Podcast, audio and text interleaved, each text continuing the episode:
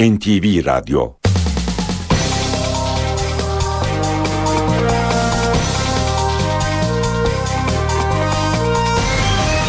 İşe Giderken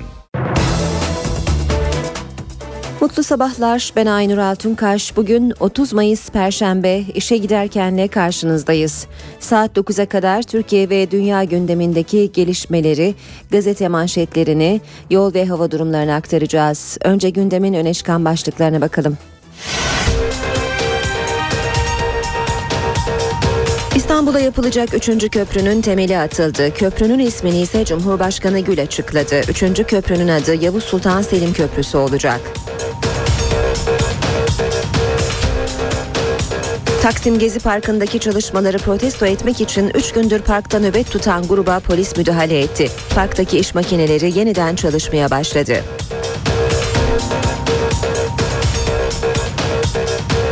Siyasilerin yeni polemik konusu Başbakan Erdoğan'ın iki ay yaş sözleri. CHP Erdoğan'ın iki ay yaşın kim olduğunu açıklamasını istedi. AK Parti sözcüsü Hüseyin Çelik ise CHP'yi konuyu istismar etmekle suçladı.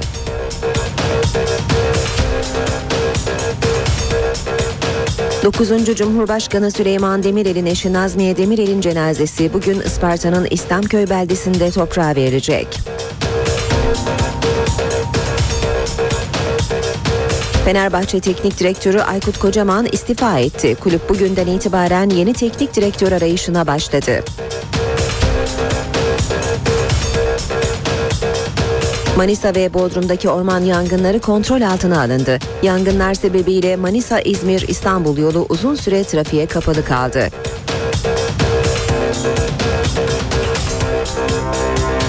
Ehliyet almak artık daha zor. İki aracın arasına park edemeyen, yokuşta arabayı durdurup kaldıramayanlar ehliyet alamayacak. İşe giderken gazetelerin gündemi.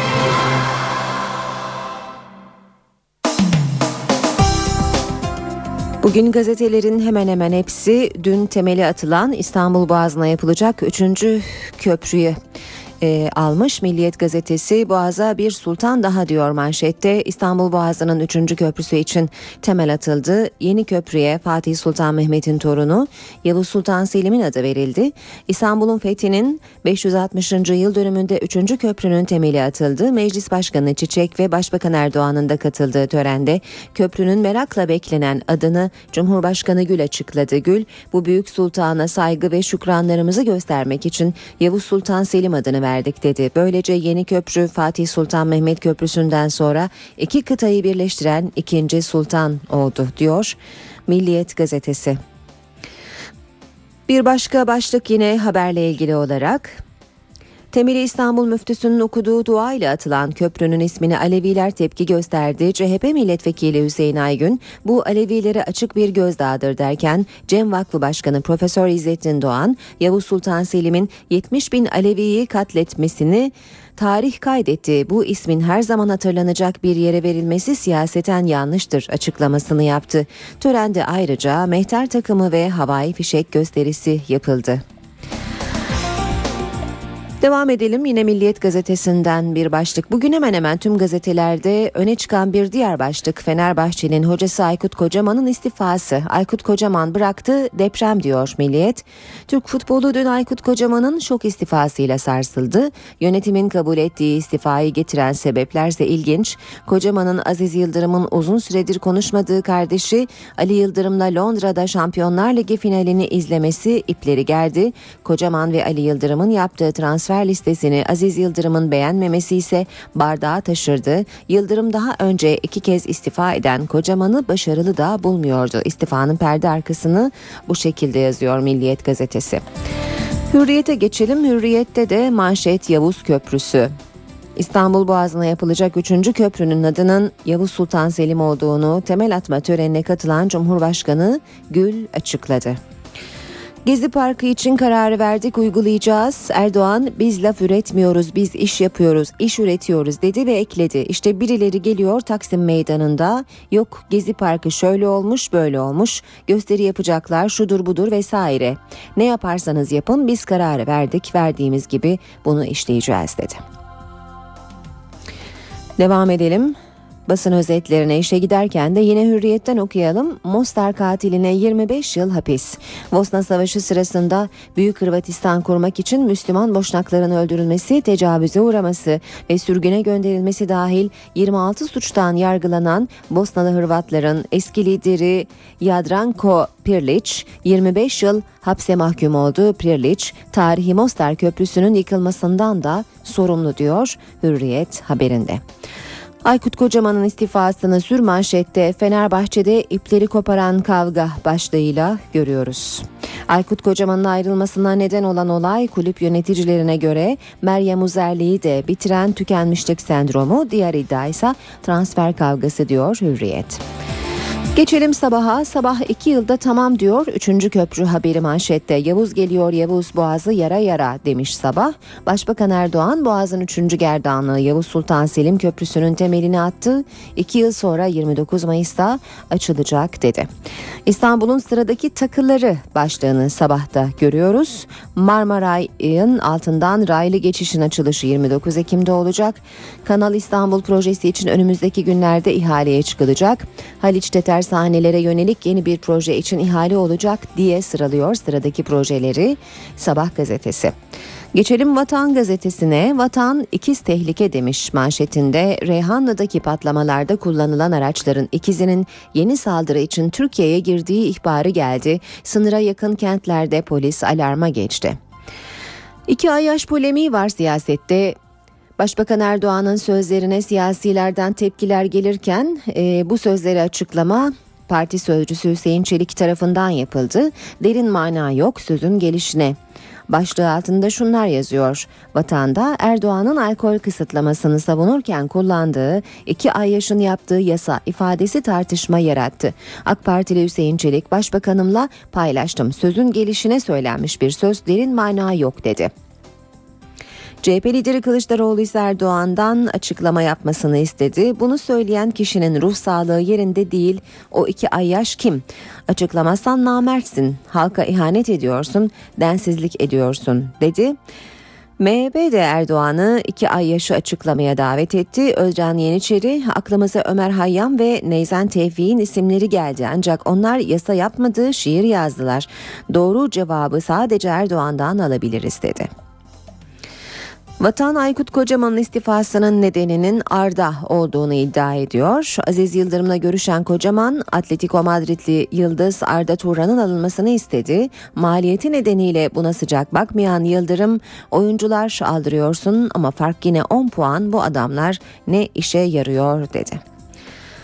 Devam edelim Habertürk'le. Habertürk'ün manşeti Avrupa'dan Asya'ya Yavuz Sultan Selim Devletin zirvesi Fethin 560. yıl dönümünde İstanbul'a 3. köprünün temelini attı. Söz verdiler 3. köprü 2 yılda bitecek.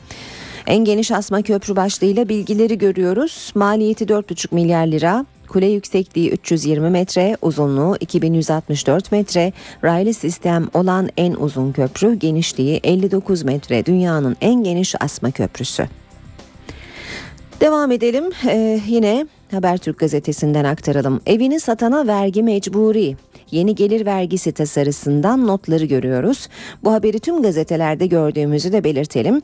Konut satışındaki 5 yıl istisnası kalktı. Artık evini satan yıla göre kazancının %25 ila 60'ı üzerinden vergi verecek. Sadece yeni ev almak için tek evini satana vergi yok. Ev parasıyla ev alınmazsa vergi doğacak. Birden çok evi olan satışta ilk yıl kazancın %100'ü üzerinden vergi verecek.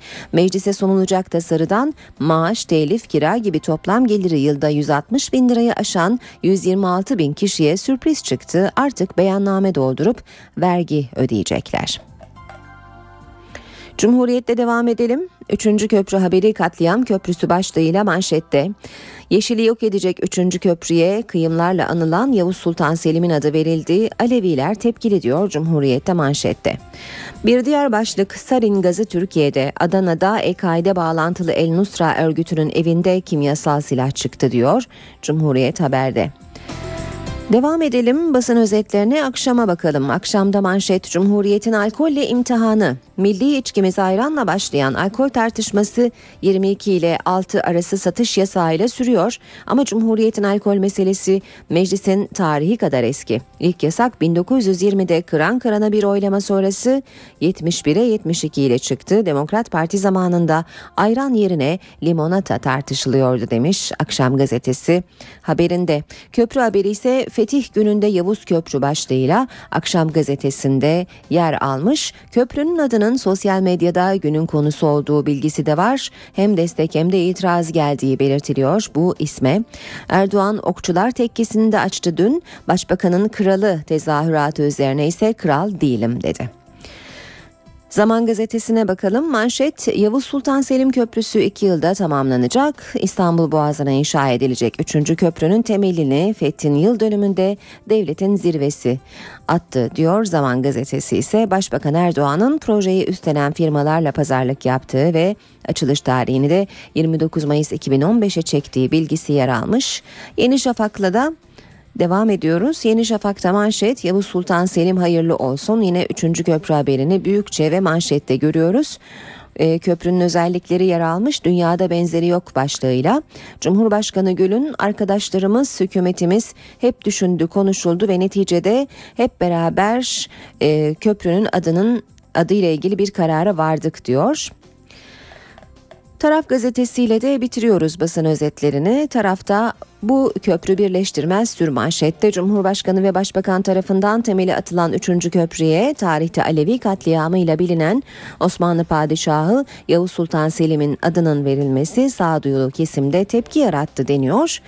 Manşeti ise tarafın Reyhanlı için hesap vakti katliam öncesi MIT'in gerekli uyarıları yapmadığı, emniyetin de elindeki bilgilerle yeteri kadar çaba göstermediği ortaya çıktı deniyor.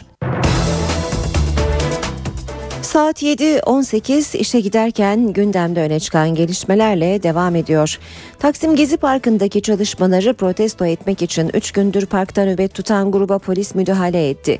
Çevik kuvvet ekipleri sabah karşı parka girerek göstericileri biber gazı kullanarak dağıttı. Polisler eylemcilerin çadırlarını alandan toplayarak uzaklaştırdı. Kalan çadırlar göstericiler tarafından ateşe verildi. Olay yerine gelen itfaiye ekipleri yanan çadırları söndürdü. İş makinesinin önüne yatan bir eylemci güçlükle kaldırıldı. Polislerin güvenlik çemberine aldığı alanda iş makineleri yeniden çalışmaya başladı. Gezi Parkı'ndaki eyleme destek için CHP Genel Başkanı Kemal Kılıçdaroğlu dün gece parktaydı. Kılıçdaroğlu Gezi Parkı bozulmamalı, buraya alışveriş merkezi yapılmamalı dedi. Taksim Gezi Parkı'nda 3 gün önce ağaçların sökülmesi üzerine başlatılan nöbet devam ediyor. Parkta bekleyen gruba sanatçı ve siyasetçiler de destek veriyor. Burada olmamız gerekiyor yani. Çünkü e, yaşam hakkını sadece insanda görmüyoruz. Yaşam hakkı aynı zamanda ağaçlarda ve hayvanlarda nefes alan, yaşayan her şeyin yaşam hakkı var. bağırmaktan yani ağaçları kurtaracağız diye mücadele etmekten sesimi fazlasıyla yitirdim ama hiç önemli değil sesim gitsin. Protestocular dün yıkılan ağaçların yerine de fidan dikti. CHP Genel Başkanı Kemal Kılıçdaroğlu da gece parka gitti. CHP liderinin parka gelişi sırasında izdiham yaşandı. İstanbullu İstanbul'a sahip çıkıyor. Gezi Parkı'nın bozulmasını istemiyor. Burada mücadele ediyorlar. Ben de İstanbul'u seven birisi olarak onlara destek veriyorum. İstanbul'un tarihi kültürü bozulmamalı. Taksim Gezi Parkı bozulmamalı. Halka açık olmalı. AVM yapılmamalı. Kılıçdaroğlu artık CHP milletvekillerinin de parkta nöbet tutacağını belirtti. E, protestocular gibi hükümet de ısrarlı. Başbakan Erdoğan Gezi Parkı ve çevresindeki çalışmalar için kararlı olduklarını söyledi. Ne yaparsanız yapın biz kararı verdik, verdiğimiz gibi bunu işleyeceğiz dedi. İşte birileri geliyor Taksim Meydanı'nda yok Gezi Parkı şöyle olmuş böyle olmuş orada gelip gösteri yapacaklar şudur budur vesaire. Ne yaparsanız yapın. Biz kararı verdik verdiğimiz gibi bunu işleyeceğiz. Eğer tarihe saygınız varsa tarihe saygınız varsa önce o Gezi Parkı denilen yerin tarihi nedir onu araştır bak. Ha biz orada tarihi yeniden ihya edeceğiz. Bir diğeriyle orayı tamamıyla Taksim Meydanı'nı yayalaştırarak insanın emrine sunacağız. İnsanoğlu orada gezip dolaşacak. Peyzajıyla her şeyle. Ve şu anda AK Parti iktidarı döneminde değerli kardeşlerim bakınız belli yaş gruplarında Türkiye genelinde diktiğimiz ağaç miktarı fidan 10 yaş grubu üzeri 5 yaş grubu üzeri 3 yaş grubu üzeri ağaçlar olmak üzere değerli kardeşlerim yaklaşık iki buçuk milyardır. İki buçuk milyar. Bu ağaçları bu iktidar dikiyor. Süratle. Yeter ki ağaç dikme merakı olsun insanların. Onlara da yer tahsis ediyoruz. Al sana 500 bin metrekare alan. Burada gel ağaç dik. Bedelsiz. Niye? Çevreciyiz. İşe giderken İstanbul'un 3. köprüsünün temeli atıldı. Törene Cumhurbaşkanı, Meclis Başkanı ve Başbakan da katıldı. Köprünün isminin Yavuz Sultan Selim olacağını Cumhurbaşkanı Abdullah Gül açıkladı. Başbakan Tayyip Erdoğan da müteahhit firmayla pazarlık yaptı. Köprünün yapım süresini 2 yıla indirdi. Hayırlı uğurlu olsun ya Allah bismillah. İstanbul'un 3. köprüsü Yavuz Sultan Selim Köprüsü. Devletin zirvesi temeli birlikte attı. Garipçe'deki temel atma törenine Cumhurbaşkanı'nın eşi Ayrun Nisa Gül ile Başbakanın eşi Emine Erdoğan kol kola geldi. Başbakan Recep Tayyip Erdoğan, yap işlet devlet modeliyle yapılacak projenin iki yıl içinde tamamlanması için konsorsiyum üyeleriyle pazarlık yaptı. Ben müteahhit firmayla burada bir ufak pazarlık yapmak istiyorum. Üçü azmederse, kararlı davranırsa 29 Mayıs 2015'e bu projeyi yetiştirirler. Sayın Başbakanım siz ne emrederseniz o olur. Sizin desteklerinizle biz de bu tarihe yetiştirme gayreti içerisinde olacağız. Köprüye ilişkin bazı ayrıntıları da Başbakan Erdoğan açıkladı. Raylı sistemiyle bu köprümüz farklı bir özellik arz ediyor. Ve tabii bununla beraber nasıl ki Marmaray'da Pekin'i Londra'ya bağlayan bir yüksek hızlı tren varsa burada da inşallah bunun bir alternatifini görmüş olacağız. Artık İstanbul'umuzun içerisinde ağır vasıtalar görmeyeceğiz. Başbakan köprünün adını açıklamayı Cumhurbaşkanı'na bıraktı. Üçüncü gerdanlık olarak Boğaz'da kısa bir zaman içerisinde göreceğimiz ve istifade edeceğimiz köprü. Biraz sonra Cumhurbaşkanımız bununla ilgili sürprizini sizlere açıklayacak. Arkadaşlarımız, hükümetimiz hep düşünüldü. Neticede hep beraber şu karara vardık ki üçüncü köprünün ismi Yavuz Sultan Selim Köprüsü olsun. Çok büyük fetihlere adımları olan ve mukaddes emanetleri bize emanet eden bu büyük sultanı, bu büyük padişahı bu şekilde daima yad etmek, anmak için bu ismi hep beraber verdik. Üçüncü köprü yolu üzerinden 8 şeritli karayolu ve 2 şeritli tren yolu aynı seviyede geçecek. Yavuz Sultan Selim üzerinde raylı sistem olan dünyanın en uzun asma köprüsü olacak. Köprü üzerindeki raylı sistem Edirne'den İzmit'e kadar yolcu taşıyacak. Marmaray ve İstanbul metrosu ile entegre edilecek raylı sistemle Atatürk, Sabiha Gökçen ve yeni yapılacak 3. havalimanı birbirine bağlanacak. Projenin maliyeti 4,5 milyar lira. Üçüncü köprünün adının Yavuz Sultan Selim olduğu duyulur duyulmaz tartışmalar da başladı. Köprüye neden Yavuz Sultan Selim'in adının verildiği merak ediliyor. Padişahla ilgili tartışmaların yoğunlaştığı nokta ise Yavuz Sultan Selim'in emriyle binlerce Alevi'nin katledildiği iddiaları. Yavuz Sultan Selim Osmanlı'nın 9. padişahı. 1512-1520 yıllar arasında hüküm sürdü. Yavuz Sünniliği temsil eden bir hükümdar. Ee, Şah İsmail ise Şiiliğin büyük şeyhi ve şahı oluyor. Anadolu'da da Yavuz'a bağlı büyük kitleler var. Dolayısıyla e, Şah İsmail Doğu Anadolu'daki e, Şii kitlelere hakim, egemen olmak istiyor. Yavuz Sultan Selim sert bir padişah olarak tanındı. Padişah olduğu dönemde 50 bin Alevi'nin katledildiği iddiası halen tartışılan bir konu. Köprünün Yavuz Sultan Selim adı taşımasına tepkiler de özellikle bu noktada odaklanıyor. Takım şeylerin üzerinde çoktur iç harpte. E, mezhepçilik yap, mezhepçilik yapmadı. İkisi farklı şeyler. doğrudan doğruya baş kaldıranlara karşı çok amansızdı onu söylemek lazım. Ya, o çok sert bir padişah olarak biliniyor ama Osmanlılara kazandırdığı e, yeni durum veya konum Osmanlı coğrafyasını o güne kadarki olduğu sınırlarının aşağı yukarı 3-4 misline çıkarmıştır. Bütün Hicaz Yarımadası'nı, e, Afrika'nın e, Akdeniz kıyılarını, bütün Mısır'ı, Mısır'a bağlı olan Sudan'ı Osmanlı Devleti'ne bağlayan e, bir padişah olarak biliyoruz. İlber Ortaylı'ya göre köprüye neden Yavuz Sultan Selim'in adı verildiği açıklanmalı. Maalesef bizde hükümetin ve bürokrasinin böyle bir kötü alışkanlığı vardır. Bir şey yapar, izah etmez niye yaptığını. Gerekçesiz iş yapılmaz. Hele demokrasilerde hiç olmaz çünkü vergi mükellefinin parasıyla yapıyorsun. Niye Yavuz Selim? Bunu açıklamadığın takdirde e, spekülasyon ve dedikodu çıkar. Cumhurbaşkanı Abdullah Gül Türkmenistan'da gündeme ilişkin açıklamalarda bulundu. Cumhurbaşkanı 3. köprüye Yavuz Sultan Selim adının mutabakatla verildiğini söyledi. Aşkabat'ta gazetecilere konuşan Cumhurbaşkanı Yavuz Sultan Selim Osmanlı İmparatorluğu'na büyük ve önemli hizmetleri olmuş bir padişahtır dedi. Ayrıca Cumhurbaşkanı'ndan alkol düzenlemesini onaylayabileceğine dair bir sinyal geldi. Gül tartışılan alkol düzenlemesiyle ilgili anladığım kadarıyla bir alkol yasağı yok e, satışın yeniden düzenlenmesi var dedi. İşe giderken.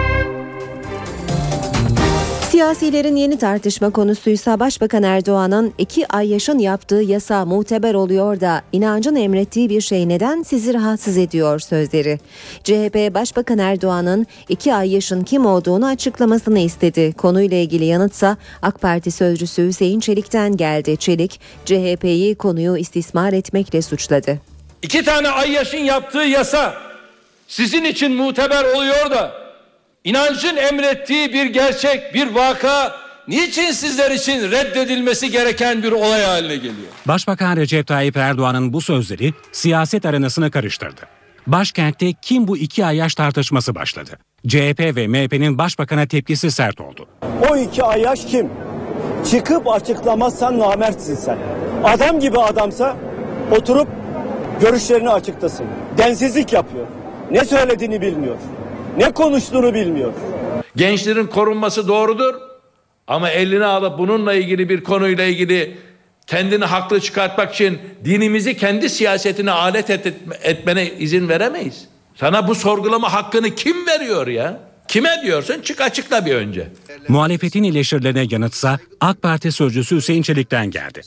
CHP'yi konuyu istismar etmekle suçladı. Tamamen sözün gelişi olarak söylenmiş bir sözdür arkadaşlar. Ahmedi, Mehmedi şu şahsı veya şu şahsı e, kastederek A veya B devlet adamını kastederek söylenmiş kesinlikle bir söz değildir. Sözün gelişi söylenmiş bir ifadedir. Bunun altında derin manalar veya farklı farklı isimler aramanın da bir anlamı yoktur. CHP'liler bundan da bir istismar konusu çıkarma çabası içerisinde olabilirler. CHP tartışmayı bir soru önergesiyle meclis gündemine de taşıdı. Başbakan'a yasa kabul eden iki ay yaş kimdir diye sordu. İstanbul'a yapılacak 3. köprünün temeli atıldı. Köprünün ismini ise Cumhurbaşkanı Gül açıkladı. 3. köprünün adı Yavuz Sultan Selim Köprüsü olacak. Taksim Gezi Parkı'ndaki çalışmaları protesto etmek için 3 gündür parkta nöbet tutan gruba polis müdahale etti. Parktaki iş makineleri yeniden çalışmaya başladı.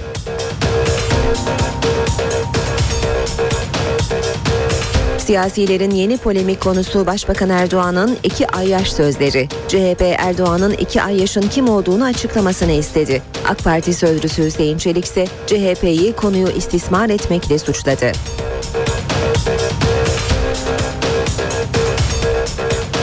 9. Cumhurbaşkanı Süleyman Demirel'in eşi Nazmiye Demirel'in cenazesi bugün Isparta'nın İslamköy beldesinde toprağa verilecek.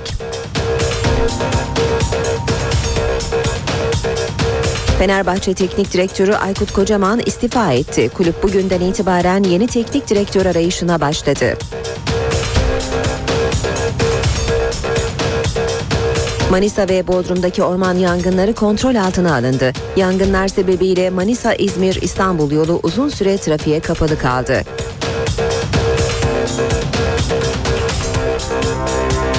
Ehliyet almak artık daha zor. İki aracın arasına park edemeyen, yokuşta arabayı durdurup kaldıramayanlar ehliyet alamayacak.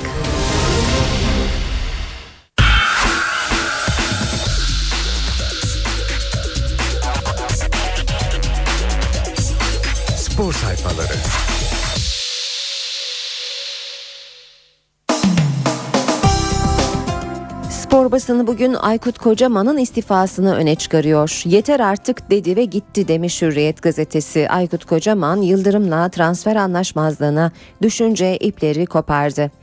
İki iddia var diyor Hürriyet. Birinci iddiaya göre Fenerbahçe teknik direktörüne istifaya tükenmişlik sendromu götürdü. En az 10-15 gündür ayrılma sinyalleri veriyordu.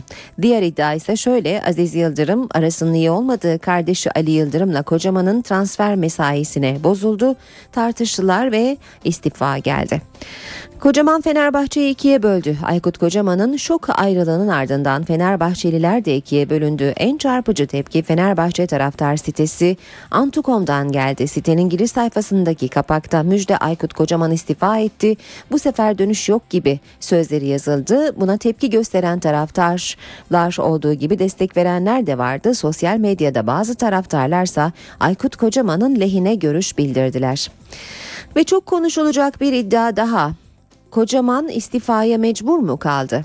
Aykut Kocaman'ın bir yakını hoca istifa haberleri sızdıktan sonra görevi bıraktı. Daha önce kesinlikle istifa etmemişti dedi.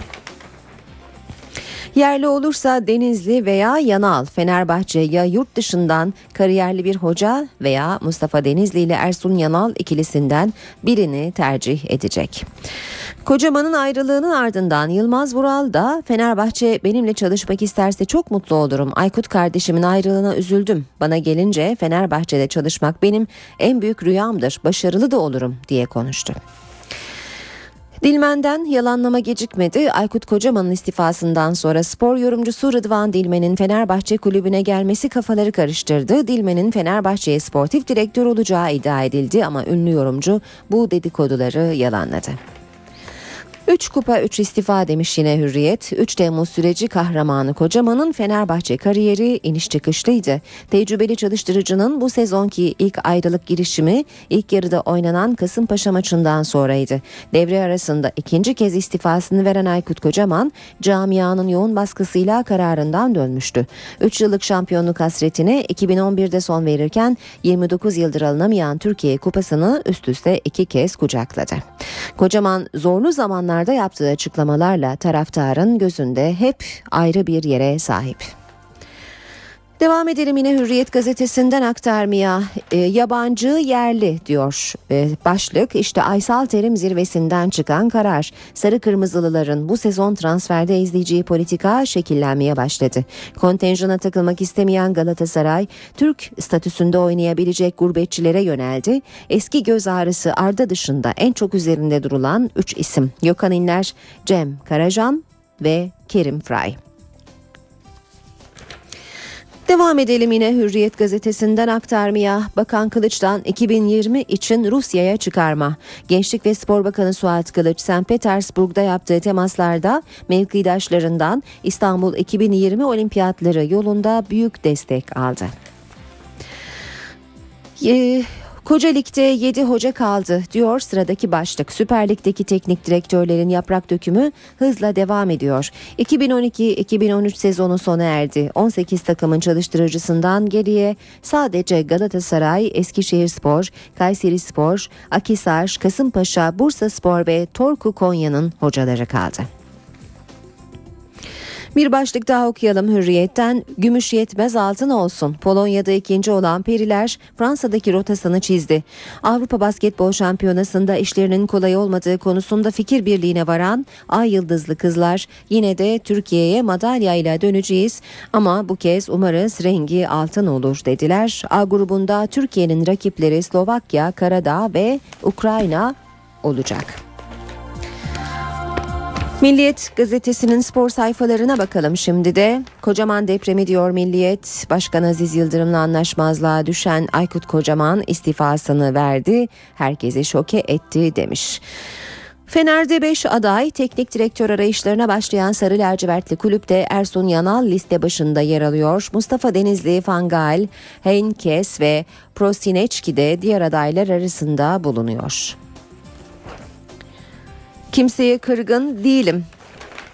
Aykut Kocaman'ın e, açıklaması Kocaman Fenerbahçe'den ayrılması için bu bir bayrak değişimidir yorumunu yaptı. Kimseye kırgın değilim 3 Temmuz süreci beni çok yordu ifadelerini kullandı.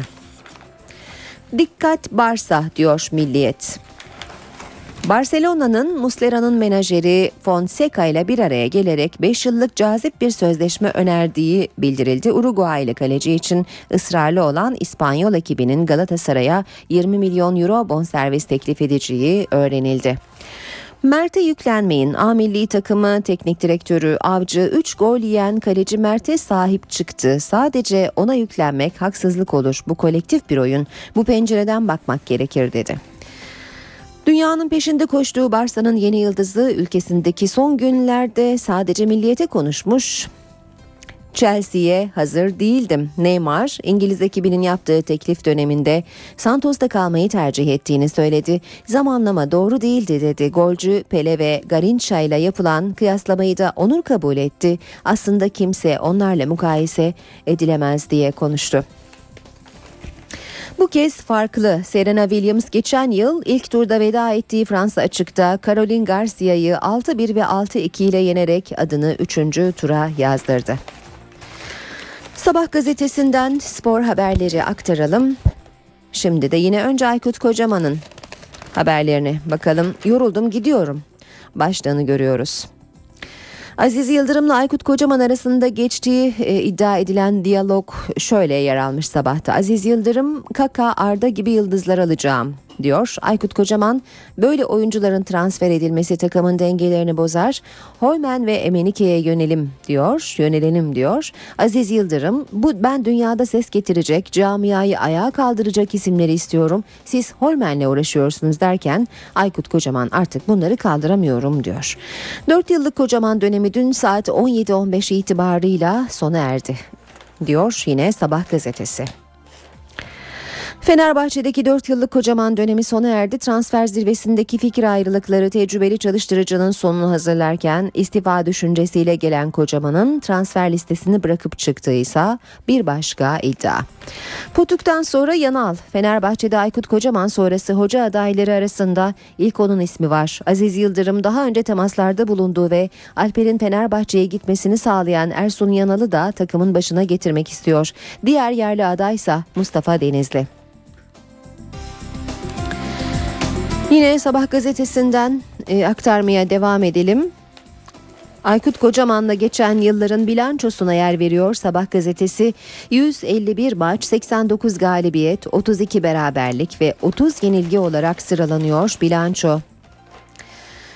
Yine Sabah gazetesinden e, aktaralım bir başlık daha. Yeni dönem başlıyor. Hacı Osmanoğlu ayağının tozuyla yeni uygulamaları hayata geçiriyor. Trabzonspor'da mazbatasını alıp çalışmalarına start veren İbrahim Hacı Osmanoğlu yönetimi yapılan ilk toplantıda radikal kararlara imza attı. Alkol yasaklandı, kredi kartları iptal, Özkan Sümer gitti başlıklarıyla yer almış bu yeni dönem.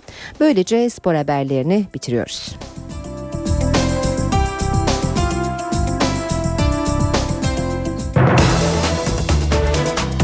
İşe giderken.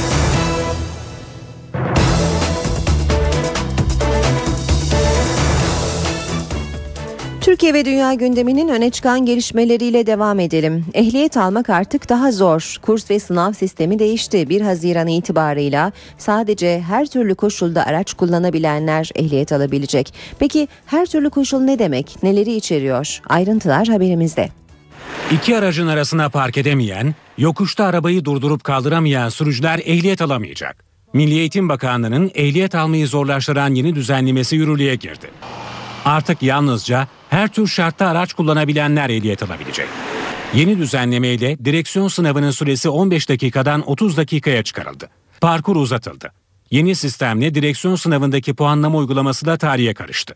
Emniyet kemeri takmayan, aracı çalıştırma ve harekete geçirmede kurallara uymayan veya emniyetli ve rahat kalkış yapamayan kişinin sınavı anında sonlandırılacak.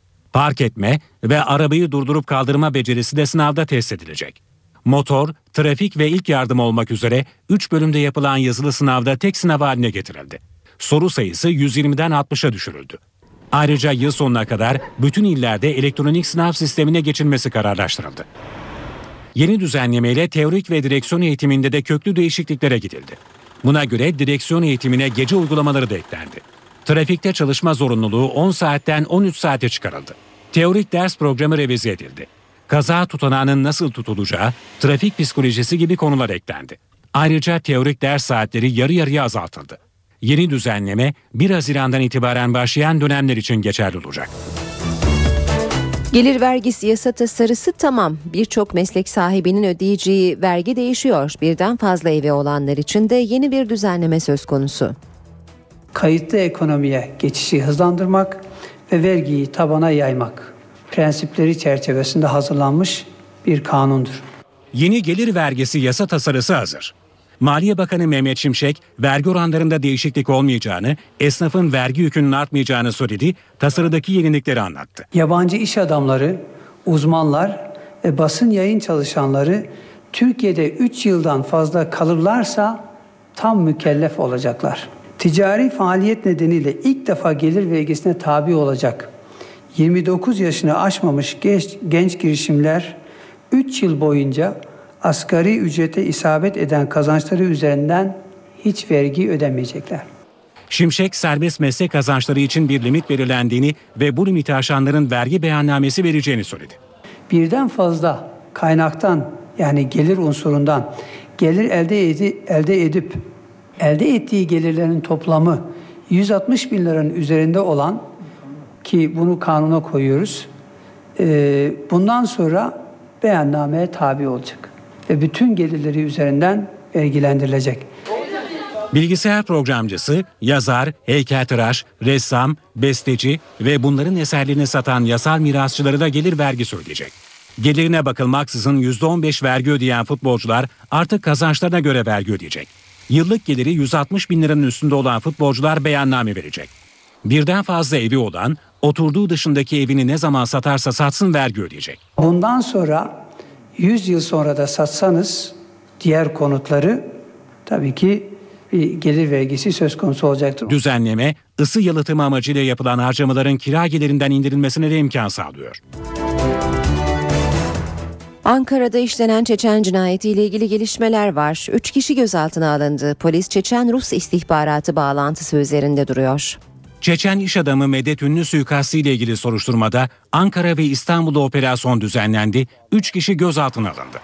Cinayeti işlediği belirlenen Dayı Murat lakaplı Murat Aluç'un ablası MK ve araç kiraladığı firmanın sahibi serbest bırakıldı. Aluç'un kız arkadaşı DK ise sorgulanmak üzere Ankara'ya götürüldü. Polis Medet Ünlü'nün günlüğünü inceledi. Cinayetin azmettiricisi olduğu ileri sürülen Ruslan'ın Çeçenya Cumhuriyeti lideri Kadirov ve Rusya'ya yakın olduğunu tespit etti. Ruslan'ın sık sık Medet Ünlü'nün bürosuna gidip geldiği, Ruslan'ın ünlüyle tetikçi Murat Aluç'u tanıştırdığı da ajandadan çıkan notlardan belirlendi. Zanlı Murat Aluç'un 18, 20 ve 21 Mart tarihlerinde Medet Ünlü'nün ofisine girip çıktığı güvenlik kameralarından tespit edildi. 22 Mayıs'ta ofise gelen Aluç, Medet Ünlü'yü çalışma masasında tek el ateş ederek boğazından vurdu. Olayın azmettiricisi olduğu belirtilen Ruslan'ın ise cinayetten iki gün sonra Rusya'ya gittiği belirlendi. Adam yaralama ve gasp gibi suçlardan sabıkası olan tetikçi Murat Aluç'un cinayet karşılığında 30 bin lira aldığı kaydedildi. Tetikçi Aluç ve gözlülük yaptığı tespit edilen Ömer Pertek'in yakalanmasına yönelik çalışma ise sürüyor. NTV Radyo Günaydın herkese yeniden. Ben Aynur Altunkaş. Yeni saate hava durumuyla gireceğiz ama önce gündemin başlıklarını hatırlayalım.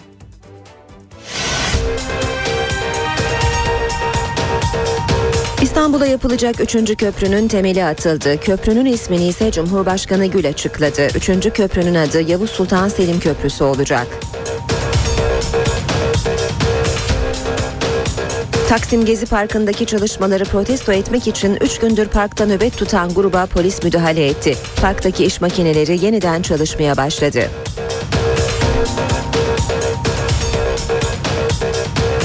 Siyasilerin yeni polemik konusu Başbakan Erdoğan'ın iki ay yaş sözleri. CHP Erdoğan'ın iki ay yaşın kim olduğunu açıklamasını istedi. AK Parti sözcüsü Hüseyin Çelik ise CHP'yi konuyu istismar etmekle suçladı.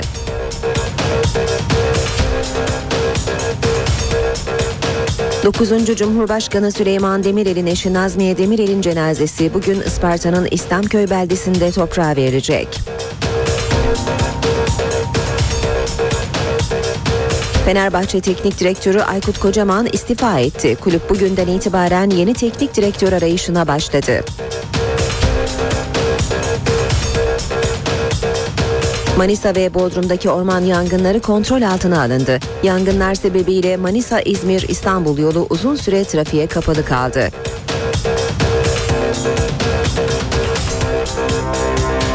Ehliyet almak artık daha zor. İki aracın arasına park edemeyen, yokuşta arabayı durdurup kaldıramayanlar ehliyet alamayacak. Gökhan Abur'la birlikteyiz. Merhaba Sayın Abur. Merhaba günaydın. Neresiyle başlayalım bilemiyorum ama e, yurt dışından başlayalım dilerseniz Tamam. bu sabah. E, Barbara adı verilen bir tropikal fırtına var Meksika'da. Bu e, fırtınanın karayı vurduğu ve iki kişinin yaşamını yitirdiği bilgisi var. E, ama Türkiye'de de yine çok değişken hava koşulları var karşımızda. Örneğin dün İstanbul'da hava çok bunaltıcıyken bu sabah sisle uyandık. Sıcak olacağını düşünüyorduk ama serinleme olacak. Yani böyle kafa karıştırıcı neler Evet. söylersiniz?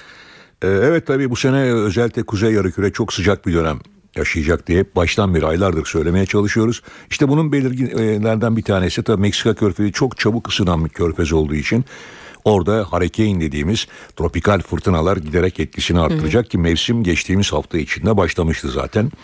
Ülkeye baktığımız zaman dün çok bunaltıcı bir hava vardı. Yalnız İstanbul'da değil ülkenin büyük bir çoğunluğunda nem oranı yüksekti.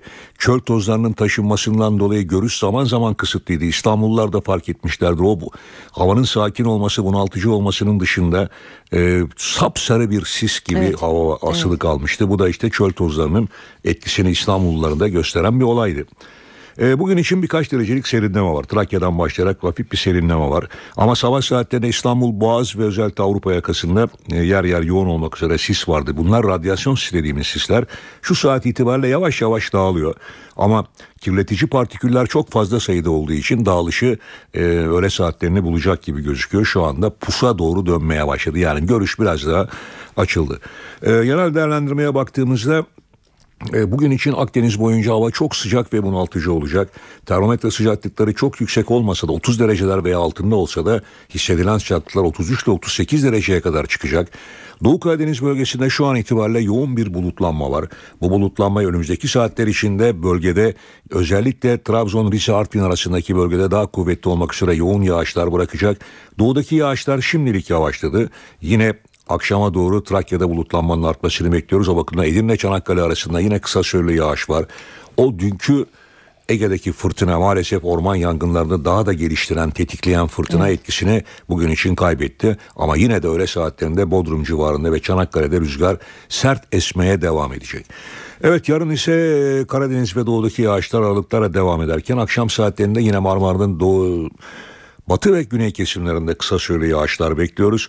Cumartesi gününde yağışlar Karadeniz boyunca yer yer kuvvetli olmak üzere devam ederken Trakya ve Marmara'nın doğusunda da yine yerel yağışlar görülebilecek. Ve hafta sonu hafta sonu ama biraz daha serinliyor.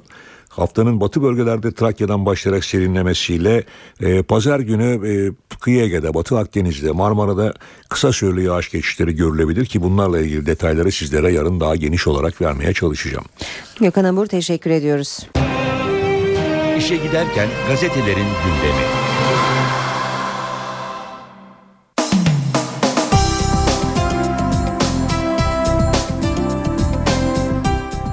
Gazetelerin e, manşetlerini aktaracağız ama İstanbul'dan sıcak bir gelişmeyle devam edelim. Şu anda e, Gezi Parkı'nda sabah erken saatlerde iş makinelerinin yıkıma başladığı bilgisini aktarmıştık. Şu anda da sıcak gelişmeler var. E, BDP'li Sırrı Süreyya Önder'in Gezi Parkı'nda olduğu ve iş makinelerinin önüne geçtiği ve bu nedenle de iş makinelerinin çalışmalarını durdurduğu yönünde bilgiler geliyor. Az sonra Gezi Parkı'ndan canlı yayınımız olacak ve size gelişmeleri aktaracağız. Şimdi biz yeniden basın özetlerine geçelim. Bugün 3. köprü e, haberlerini görüyoruz gazetelerin manşetlerinde. Milliyet gazetesiyle başlayalım. Milliyet Boğaz'a bir sultan daha diyor. İstanbul Boğazı'nın 3. köprüsü için temel atıldı. Yeni köprüye Fatih Sultan Mehmet'in torunu Yavuz Sultan Selim'in adı verildi. İstanbul'un fethinin 560. yıl dönümünde 3. köprünün temeli atıldı. Meclis Başkanı Çiçek ve Başbakan Erdoğan'ın da katıldığı törende köprünün merakla beklenen adını Cumhurbaşkanı Gül Gül bu büyük sultana saygı ve şükranlarımızı göstermek için Yavuz Sultan Selim adını verdik dedi. Böylece yeni köprü Fatih Sultan Mehmet Köprüsü'nden sonra iki kıtayı birleştiren ikinci sultan oldu.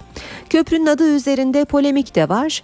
Temeli İstanbul müftüsünün okuduğu duayla atılan köprünün ismine Aleviler tepki gösterdi. CHP milletvekili Hüseyin Aygün bu Alevilere açık bir gözdağıdır derken Cem Vakfı Başkanı Profesör İzzettin Doğan Yavuz Sultan Selim'in 70 bin Alevi'yi katletmesini tarih kaydetti. Bu ismin her zaman hatırlanacak bir yere verilmesi siyaseten yanlıştır açıklamasını yaptı. Cumhuriyet gazetesi de katliam köprüsü başlığını kullanmış. Haberi manşetten verirken yeşili yok edecek 3. köprüye kıyımlarla anılan Yavuz Sultan Selim'in adı verildi. Aleviler tepkili diyor. Yine e, ismi üzerindeki polemikler e, başlıkta taraf gazetesinde. Bu köprü birleştirmez. Cumhurbaşkanı ve Başbakan tarafından temeli atılan 3. köprüye tarihte Alevi katliamıyla bilinen Osmanlı Padişahı Yavuz Sultan Selim adının verilmesi sağduyulu her kesimde tepki yarattı demiş Taraf Gazetesi haberinde. Yine 3. köprü haberleriyle devam edelim. Hürriyet ise Yavuz Köprüsü diyor. İstanbul Boğazı'na yapılacak 3. köprünün adının Yavuz Sultan Selim olduğunu temel atma töreninde katılan Cumhurbaşkanı Gül açıkladı. Habertürk gazetesinde e, haberi manşette görüyoruz yine Avrupa'dan Asya'ya Yavuz Sultan Selim başlığıyla. E, rakamlarla köprü hakkında bilgiler görüyoruz. En geniş asma köprü diyor gazete. Maliyeti 4,5 milyar lira, kule yüksekliği 320 metre, uzunluğu 2164 metre, raylı sistem olan en uzun köprü. Ayrıca 59 metre genişliğe sahip dünyanın en geniş asma köprüsü. Başbakanın e, yüklenici firma ile yaptığı görüşme sonrası iki yılda bitecek sözünü alışı da yine Habertürk'te başlığa çekilmiş. Sabah gazetesi de haberi iki yılda tamam başlığıyla veriyor. Yavuz geliyor Yavuz boğazı yara yara demiş haberin başlığında yine. Başbakan Erdoğan Boğaz'ın 3. gerdanlığı Yavuz Sultan Selim Köprüsü'nün temelini attı. İki yıl sonra 29 Mayıs'ta açılacak dedi diyor gazete. Vatan gazetesinde haberi Fatih'in yanına torunu Yavuz başlığıyla görüyoruz. E, liderlerin de kol kola ve samimi görüntülerle temel atılacak alana girişlerine yer veriyor. Törene Erdoğan helikopterle Gül tekneyle geldi. Erdoğan Gül'ün eşi Emine Erdoğan da Hayrunisa Gül'ün koluna girdi. Gül ve Erdoğan çifti en son geçen yıl 29 Ekim resepsiyonunda bir araya gelmişti diye de hatırlatıyor Vatan. Üçüncü köprü haberlerinin ardından diğer haberlere bakalım. Yeniden Milliyet'e bakalım. Milliyet'te e, Aykut Kocaman bıraktı deprem başlığıyla devam edelim. Bugün e, yine gazetelerin birinci sayfalarında Aykut Kocaman'ın istifasının da öne çıkarıldığını hatırlatalım. Türk futbolu dün Aykut Kocaman'ın çok istifasıyla sarsıldı. Yönetimin kabul ettiği istifayı getiren sebeplerse ilginç. Kocaman'ın Aziz Yıldırım'ın uzun süredir konuşmadığı kardeşi Ali Yıldırım'la Londra'da Şampiyonlar Ligi finalini izlemesi ipleri geldi. Kocaman ve Ali Yıldırım'ın yaptığı transfer listesini Aziz Yıldırım'ın beğenmemesi ise bardağı taşırdı. Yıldırım daha önce iki kez istifa eden Kocaman'ı başarılı da bulmuyordu demiş Milliyet haberinde. Habertürk'te manşet e, evini satana vergi mecburi konut satışındaki 5 yıl istisnası kalktı. Artık evini satan yıla göre kazancının %25 ila 60'ı üzerinden vergi verecek. Sadece yeni ev almak için tek evini satana vergi yok. Ev parasıyla ev alınmazsa vergi doğacak. Birden çok evi olan satışta ilk yıl kazancın %100'ü üzerinden vergi verecek. Meclise sunulacak tasarıdan maaş, telif, kira gibi toplam geliri yılda 160 bin lirayı aşan 126 bin kişiye sürpriz çıktı. Artık beyanname doldurup vergi ödeyecekler. Devam edelim basın özetlerine. Akşama bakalım. Akşamda manşet Cumhuriyet'in alkolle imtihanı. Milli içkimiz ayranla başlayan alkol tartışması 22-6 arası satış yasağıyla sürüyor. Ama Cumhuriyet'in alkol meselesi meclisin tarihi kadar eski. İlk yasak 1920'de kıran kırana bir oylama sonrası 71'e 72 ile çıktı. Demokrat Parti zamanında ayran yerine limonata tartışılıyordu. Radikal İstanbul'a yakışır diyor manşette. Gezi Parkı'nın yıkıl Gezi Parkı yıkılmasın genişletilsin fikrine birçok kesimden destek yağdı. Uzmanlara göre İstanbul'da nefes alacak alanlar kalmadı. New York ile İstanbul'un birbirine benzeyen şehirler olduğuna dikkat çeken Profesör Mete Tapan Central Park örnek alınabilir diyor. Vatana da bakalım ikiz tehlike diyor vatan manşette. Reyhanlı'daki patlamalarda kullanılan araçların ikizinin yeni saldırı için Türkiye'ye girdiği ihbarı geldi. Sınıra yakın kentlerde polis alarma geçti. Saat 8.20 işe giderken de birlikteyiz. İstanbul Gezi Parkı'nda eylem vardı. İş makineleri sabaha karşı e, girdi parka ve yıkıma başladılar. Polis göstericilere müdahale etti ama ardından BDP milletvekili Sırrı Süreyya Önder geldi parka ve ondan sonra çalışmalar durdu. Şimdi ayrıntıları soracağız. Karşımızda NTV muhabiri Baran Bila var. Baran neler oldu bu sabah Gezi Parkı'nda? Merhabalar biz de sıcak gelişmenin altını çizerek başlayalım. Evet senin de dediğin gibi Sırrı Süreyya Önder bundan yaklaşık yarım saat 45 dakika önce parka geldi. Ve burada polis ekipleriyle bir süre konuştu, göstericilerle konuştu. Burada gergin dakikalar yaşanmıştı ve bu gerilimi BDP milletvekili Sırrı Süreyya Önder düşürdü. Sırrı Süreyya Önder'in görüşmelerinin ardından polis ekipleri buradan yaklaşık 5-10 dakika önce ayrıldılar ve çalışmalarda bizim de e, e, gözlemlediğimiz üzere e, durdurulmuş durumda en azından şu an. Bundan iki gün önce de aynı durum yaşanmıştı. Burada e, inşaat çalışmaları başlamıştı. Gezi Parkı'nda dozerler girmişti ve buradaki ağaçlar yıkılmıştı. Ve belli bir bölümdeki e, ağaçlar yıkılmıştı. Kaldırımlara sıçramak üzereydi e, buradaki çalışmalar. Bu esnada protesto gösterileri yapılmıştı ve bundan e, bundan sonra da saatlerce çok gerilimli anlar yaşanmıştı göstericilerle polis arasında. Ancak Sırrı Süreyya Önder'in araya girmesiyle buradaki gerilim düşmüştü. E, buradaki e, polis ekipleriyle göstericiler arasındaki kavga durmuştu ve polis ekipleri geri çekilmişti. Çalışmalar da durdurulmuştu. Bundan sonra burada bir nevi nöbet tutmaya başladı göstericiler. Çadırlar kurdular, pankartlar astılar ve Taksim Gezi Parkı'nda burada e, bekleyişe başladılar. Ve uzun e, bir süredir de aslında e, gergin bir durum yoktu. Göstericiler burada yalnızdı. Ancak sabah saatlerinde sabah karşı saat 5 gibi polis ekipleri parka müdahale etti. E, biber gazlı müdahale oldu. Yine gergin anlar yaşandı ve e, polis ekiplerinin müdahalesi sonucunda burada göstericiler e, kaçmak durumunda kaldılar. Ancak daha sonra yeniden bir araya geldiler Taksim'de ve Taksim Gezi Parkı'na yeniden yürüdüler. Ardından polis ekipleriyle göstericiler yine karşı karşıya geldi. E, durdu en azından kavga durmuştu ama iki tarafta beklemeye devam ediyordu. Çok gergin bir durum vardı yine. Tekrar iki gün önce olduğu gibi e, BDP milletvekili Önder geldi ve burada gerilimi düşürdükten sonra polis ekipleri şu an geri çekildi. Yine burada göstericiler parkta beklemeye devam ediyorlar. Dozerlerin yeniden çalışmasını istemediklerini söylüyorlar ve e, burada tepkini sürecek diyorlar. Sarı Süreyya Önder de şu açıklamayı yaptı. Buradaki e, yapılan inşaat çalışmaları hukuksuzdur dedi ve burası Taksim'deki e, tek yeşil alan dedi. Önemli bir yer dedi. İstanbul'un açısından önemli güzel bir yer dedi. Biz de buranın korunmasını istiyoruz tepkimiz sürecek inşaat çalışmaları sürdüğü müddetçe dedi bu açıklamayı yaptı. Bunu aktardıktan sonra sözü yeniden size bırakalım. Baran Bila teşekkür ediyoruz. İstanbul Gezi Parkı'ndaki son durumu aktardı Baran. İstanbul'dan Ankara'ya geçelim şimdi ve karşımızda NTV muhabiri Gökhan Gerçek var. Gökhan günaydın. Günaydın Aynur. İstanbul'da sabah itibarıyla sıcak saatler yaşıyoruz. Peki Ankara'dan e, durum nedir? Bugün hangi başlıkları takip edeceksiniz? Aynı Cumhurbaşkanı Abdullah Gül e, Türkmenistan'da Başbakan Erdoğan uzun bir süre İstanbul'da olacak. Bu nedenle e, siyaset gündeminin oldukça olduğunu söyleyebiliriz başkent Ankara'da. Ama bugün gündem Isparta'da olacak 9. Cumhurbaşkanı geçtiğimiz gün vefat eden 9. Cumhurbaşkanı Süleyman Demirel'in eşi Nazmiye Demirel için bugün son görev yerine getirilecek. Memleketi Isparta'da toprağa verilecek Nazmiye Demirel. E, törene e, Meclis Başkanı Cemil Çiçek, CHP lideri Kemal Kılıçdaroğlu, MHP lideri Devlet Bahçeli'nin yanı sıra Başbakan Yardımcısı Bülent Arınç ve bir dönemine bir döneme damgasını vuran çok sayıda siyasetçi katılacak. Dün taziyeleri kabul eden Süleyman Demirel e, Nazmiye Demirel için e, bir elmanın iki yarısı gibiydik dedi. Bugün o da 65 yıllık hayat arkadaşına e, veda edecek, son görevini yerine getirecek Isparta'daki törende. E, TÜSİAD Yüksek İst- İstişare Kurulu toplantısı bugün Ankara'da yapılacak. Toplantıda e, Adalet Bakanı Sadullah Ergin ve Anayasa Mahkemesi Başkanı Haşim Kılıç da birer konuşma yapacak. E, bakanların programları var. Milliyetin Bakanı Nabi Avcı Eğitim Kampüsleri Mimari Proje Yarışması ödül törenine katılacak. Orman ve Su İşleri Bakanı Veysel Eroğlu ve Avrupa Birliği Bakanı Egemen Bağış Çankırı günleri etkinliğine katılacaklar.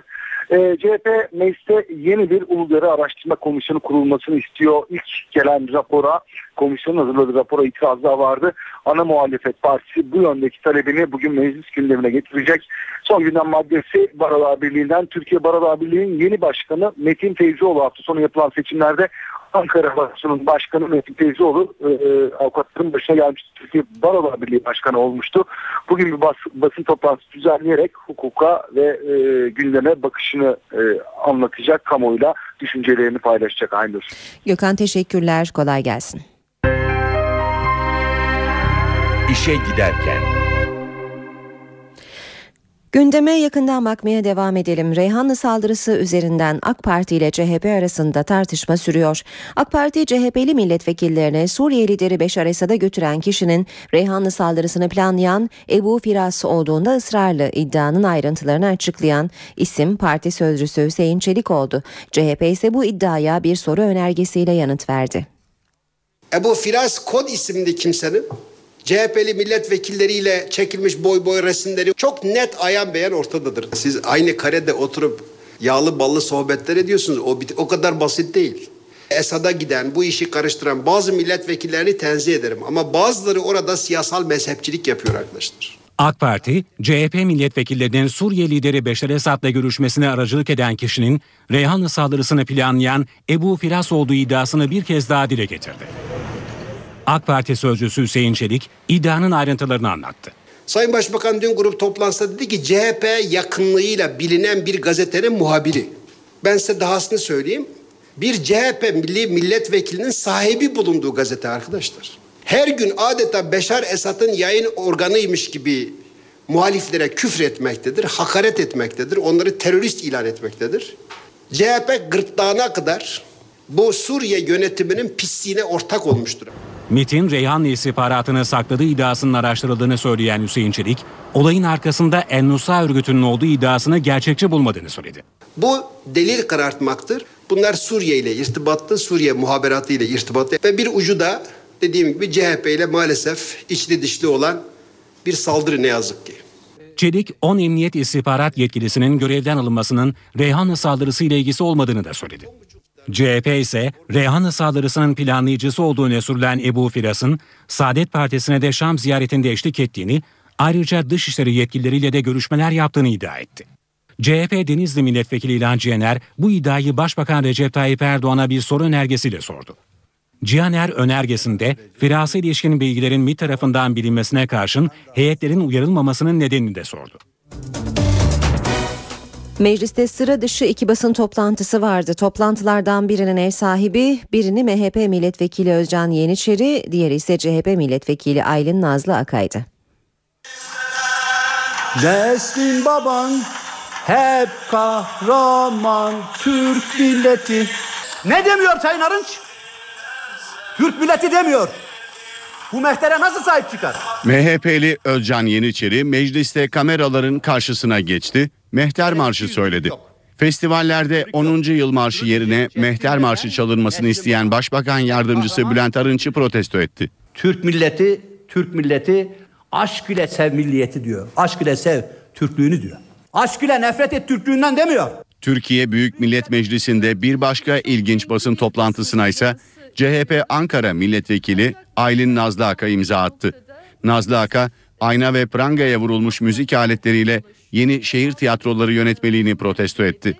Şu anda Kültür Bakanlığı hem devlet opera ve balesini hem de devlet tiyatrolarını kapatıp ayrı bir kurum kurma, adına Türkiye Sanat Kurumu e, ismini verme gibi bir eğilim içerisinde. Aylin Nazlı Aka üzerinde sanat toplumun aynasıdır. Aynayı kırmayın yazılı aynayla hükümete seslendi. Aynayı kırarak herhangi bir şekilde e, bu aksaklıkları kapatamaz, gerçeğin üzerine örtemez.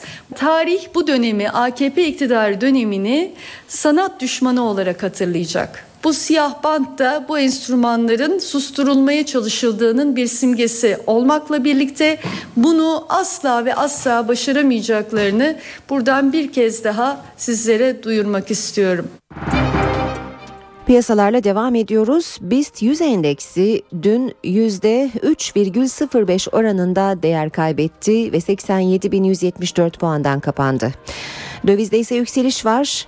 Bu sabah dolar 1.86, euro 2.41'den işlem görüyor serbest piyasada. Euro dolar paritesi 1.30, dolar yen 101 düzeyinde.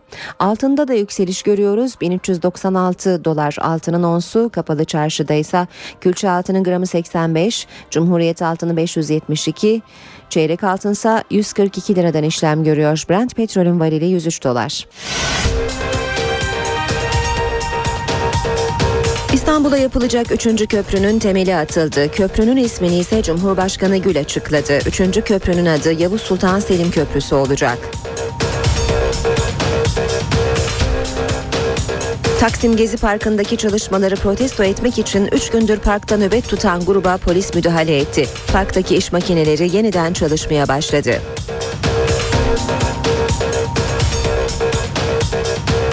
Siyasilerin yeni polemik konusu Başbakan Erdoğan'ın iki ay yaş sözleri. CHP Erdoğan'ın iki ay yaşın kim olduğunu açıklamasını istedi. AK Parti sözcüsü Hüseyin Çelik ise CHP'yi konuyu istismar etmekle suçladı.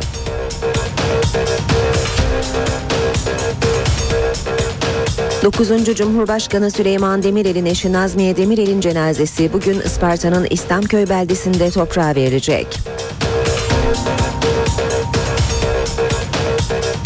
Fenerbahçe Teknik Direktörü Aykut Kocaman istifa etti. Kulüp bugünden itibaren yeni teknik direktör arayışına başladı. Manisa ve Bodrum'daki orman yangınları kontrol altına alındı. Yangınlar sebebiyle Manisa-İzmir-İstanbul yolu uzun süre trafiğe kapalı kaldı.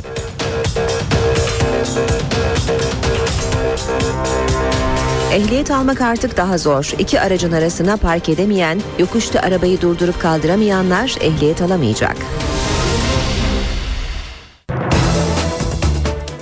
İşe giderken dünyanın gündemiyle devam edecek saat 8.41.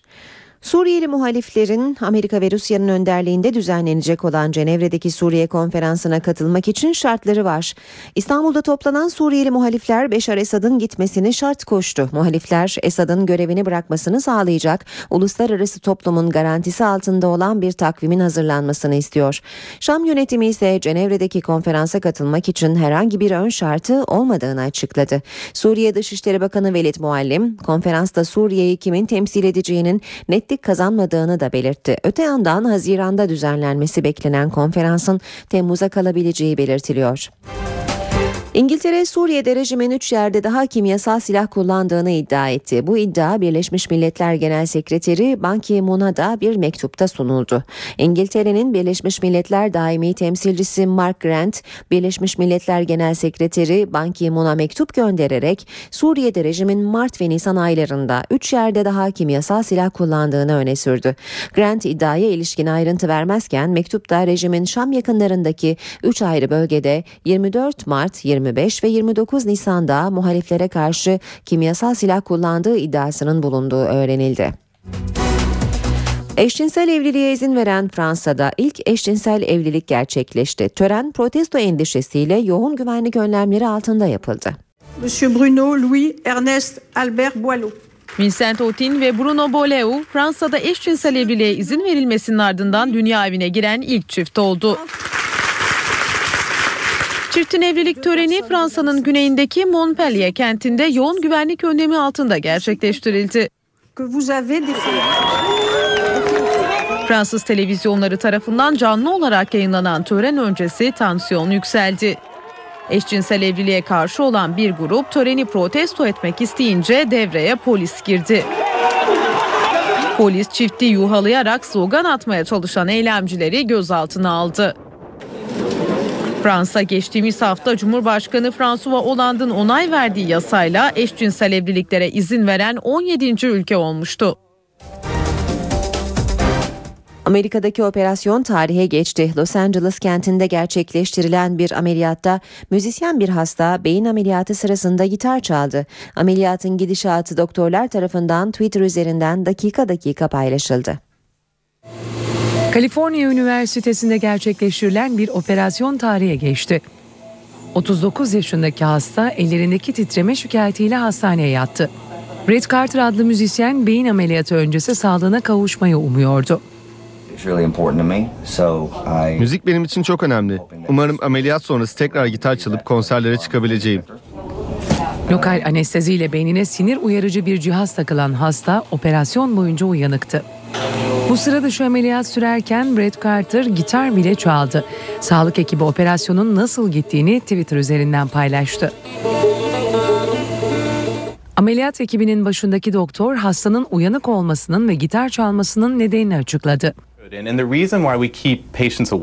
Operasyon sırasında hastaları uyanık tutmamızın nedeni kas ve sinir becerilerini test edebilmek.